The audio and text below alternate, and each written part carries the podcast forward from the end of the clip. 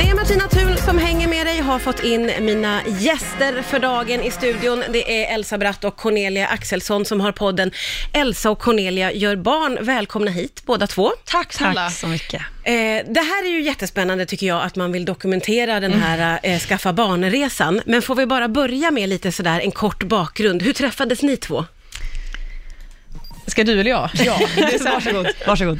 Eh, vi träffades när vi jobbade på Farmen, så att eh, vi eh, bodde i Skillingaryd då i två månader som man gör på inspelning och då var det väldigt tydligt att vi eh, ville vara där den andra var exakt hela tiden, dygnet runt helst. Ungefär så. Ja, det, var- det sa liksom klick. Ja. På ett Ah. helt sjukt sätt faktiskt. Dela Yes. 80 säng i barack liksom, när vi hade varsin egen egentligen. Och Ja, det var vi hade två helt olika roller, så att vi fick liksom hitta på anledningar till att jag skulle följa med på alla dina upp- grejer du skulle göra och så. Så du jobbade ju dubbla pass, för först gjorde du det du skulle göra och sen följde du med mig och gjorde det jag skulle göra. Exakt. Ja, för kärleken jobbar man dubbla pass. Ja, fast vi uttalade ju inte riktigt att det var kärlek sådär direkt, men Nej. alla andra såg ju det. Jag vet att såhär, det var en redaktör som sa väldigt tidigt såhär, "Jaha, när, eh, när ska ni flytta ihop då? Och vi liksom hade inte sagt någonting och bara hehehe.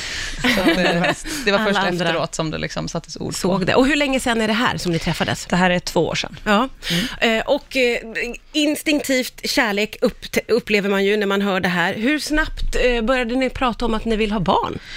Oj, Direkt, det var, nej, jag skojar. ja, nej, men det var faktiskt väldigt fort. Ja, vi pratade ju inte om att vi ville ha barn ihop väldigt fort, men, Nej. eh, men det var ju så här, eh, ett ämne som eh, kom upp fort. Jag vet inte om det gör det snabbare för att man är två tjejer kanske, att man är så här, eh, jag Kan det vet vara inte. så? Varför då? Alltså nu är jag väldigt fördomsfull mot straighta personer här, men det, jag tänker ändå att två kvinnor, två barnkära kvinnor som så här, eh, familjeinriktade, alltså att kanske lite extra ändå att man börjar så här, Ja, och också för att det är ju inte bara att bli gravid hur som helst. Nej, alltså, men det precis. krävs lite planering och det krävs eh, det är vissa åldersgränser. Eh, gränser. man, måste vara, man får inte ha fyllt typ 40 eller vad det är. typ, Oj. med reservation för att vi inte vet exakt det är lite nu. olika i olika landsting, men det finns en maxgräns på hur gammal eh, du får vara för att Jaha, påbörja okej. processen. Så att man har ju den här lilla, lilla stressen i Ja, jag bakhuvudet. liksom, fattar. att, Då är det inte så konstigt att man börjar prata om det eh, på ett ganska tidigt stadium. Exakt. Vilka eh, alternativ har man då, som ett samkönat par? Alltså man, eh, idag så får man ju bekostade försök av vården, så att Ja. det är ju superbra. Eh, Sen kan antalet försök skilja sig beroende på var du bor. Okej. I Stockholm är det tre, tror jag. Men det beror också på om du behöver göra IVF eller insemination, alltså om du behöver göra befruktningen i ett labb och sen sätta in ett befruktat ägg, eller om du gör en insemination, sprutar in spermier och hoppas på det bästa. Ja. Eh, Så man gör ju en fertilitetsutredning då, som eh, på Cornelia visade att det borde inte vara några problem och då gör man en insemination. Eh, Men en insemination brukar räknas, eller två inseminationer brukar räknas som en IVF i försöksantal Ja, okej. då. ja, Ja. För den, den kostar mycket mer att göra för vården. Ja, ja, ja, ja, ja, ja, jag fattar.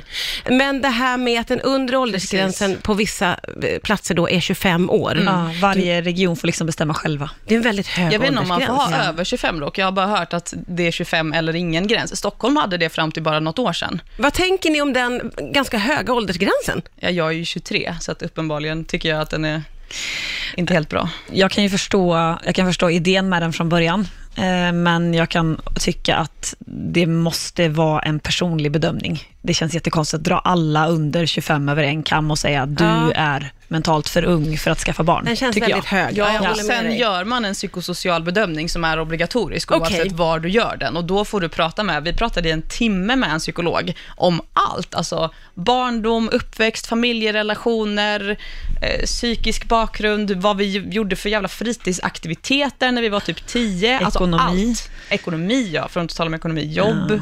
Och vad skulle det här då leda fram till, det här samtalet? Vad skulle man liksom få koll på? Man skulle få reda på om man blir bedömd som lämplig till att bli förälder. Ja.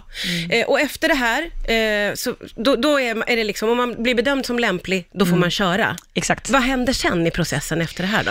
Sen så eh, väljer man donator. Ja. Eller det gör, I Sverige så får man inte välja själv, men man går på ett donatorsamtal så att kliniken där man ska göra sin insemination eller IVF eh, kan ställa lite frågor. Vad vill ni, liksom, kanske, vill ni prioritera något särskilt? Vi kommer Eller det att- enda man får prioritera är egentligen att eh, det är ju hårfärg, ögonfärg Ja, men precis. och eh, etnisk bakgrund. om, man, om det är, man måste ha det i sig själv så att säga. Eh, Elsa, nu till exempel eftersom det är jag som ska bära barnet, så valdes en donator som har samma färger som Elsa. Ah, okej. Eh, och eh, det måste vara samma genetiska bakgrund ungefär. Så vi Ja. får inte något annat än en skandinavisk Nej. donator, för båda två har bara rötter från Skandinavien. Ja, okej.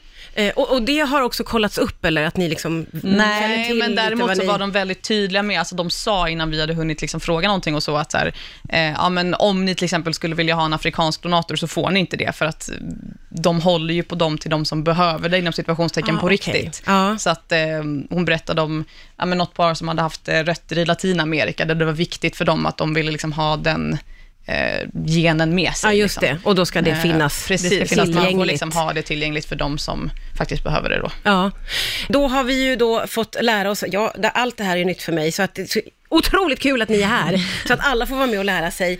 Eh, man får gå igenom, eh, det finns åldersgränser och man ska bedömas hur lämplig man är.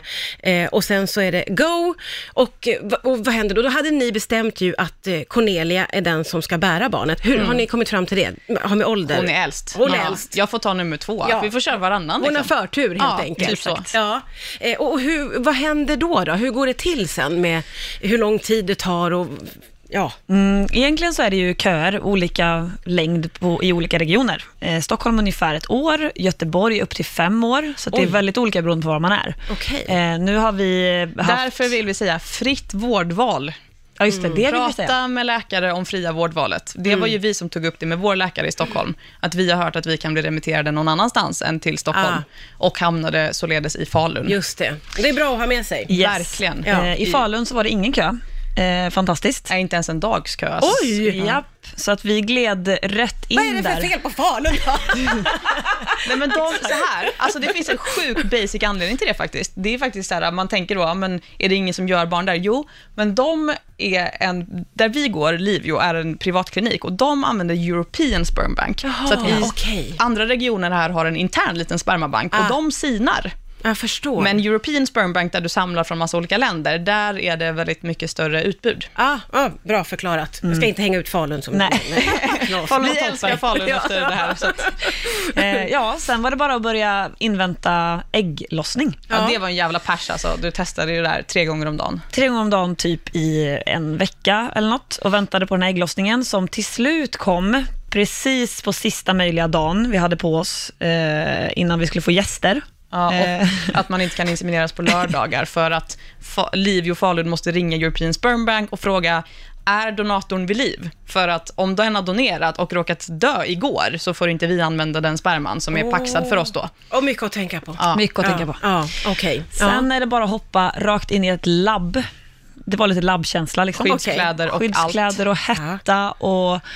Och, eh, och sen så är det en liten kateter, en liten slang, som man liksom stoppar upp i livmodern. Okej. Och sen tar man och sprutar upp spermierna via slangen, så Ja. att de liksom har klarat sig en bit upp redan från början. Slipper De får simma lite så långt. förtur. Mm. Ja. Ja. Eh, och sen får man vänta och nu är vi i väntansprocessen. Det har gått 13 dagar sedan vi inseminerades. Alltså det är så otroligt spännande. Nu, Ja. får jag rys- nu får jag rysningar. Det Ja. kan vara så att det är någonting där Det inne. kan vara Alltså så vi nu. tror ju det. Vi tror Vi det. är ju riktigt hoppfulla angående det här, men det, alltså magkänslan säger att det är det.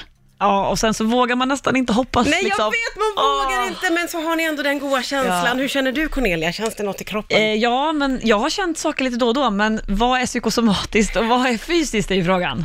Eh, och känns det som att jag håller på att bli helt galen, eller Ja. galna båda två. Ja, verkligen. Vi hade också, nu när vi firade midsommar i helgen, så var våra vänner hos oss och då eh, gjorde vi en midsommarstång och sen dansade de fertilitetsdans runt oss. Och det Yeah. var så här, ställ er med huvuden i pungkulorna på stången och så sprang de runt och liksom sjöng Små grodorna. Ni Så har att vi, fått vi har all ändå de bästa hjälp. förutsättningarna man kan ha, känner jag. Ja, verkligen. Men gud vad spännande. Det här känns ju som att vi eh, får hålla lite kontakten framöver, för nu blir man ju oerhört nyfiken. Eh, Men så himla, himla roligt att ni båda kom hit idag och verkligen eh, bildar oss vanliga dödliga om hur det går till. Stort lycka till! Tack snälla du. Och så håller vi kontakten, så jag får veta hur det går. Tack snälla för att ni kom hit idag. Tack.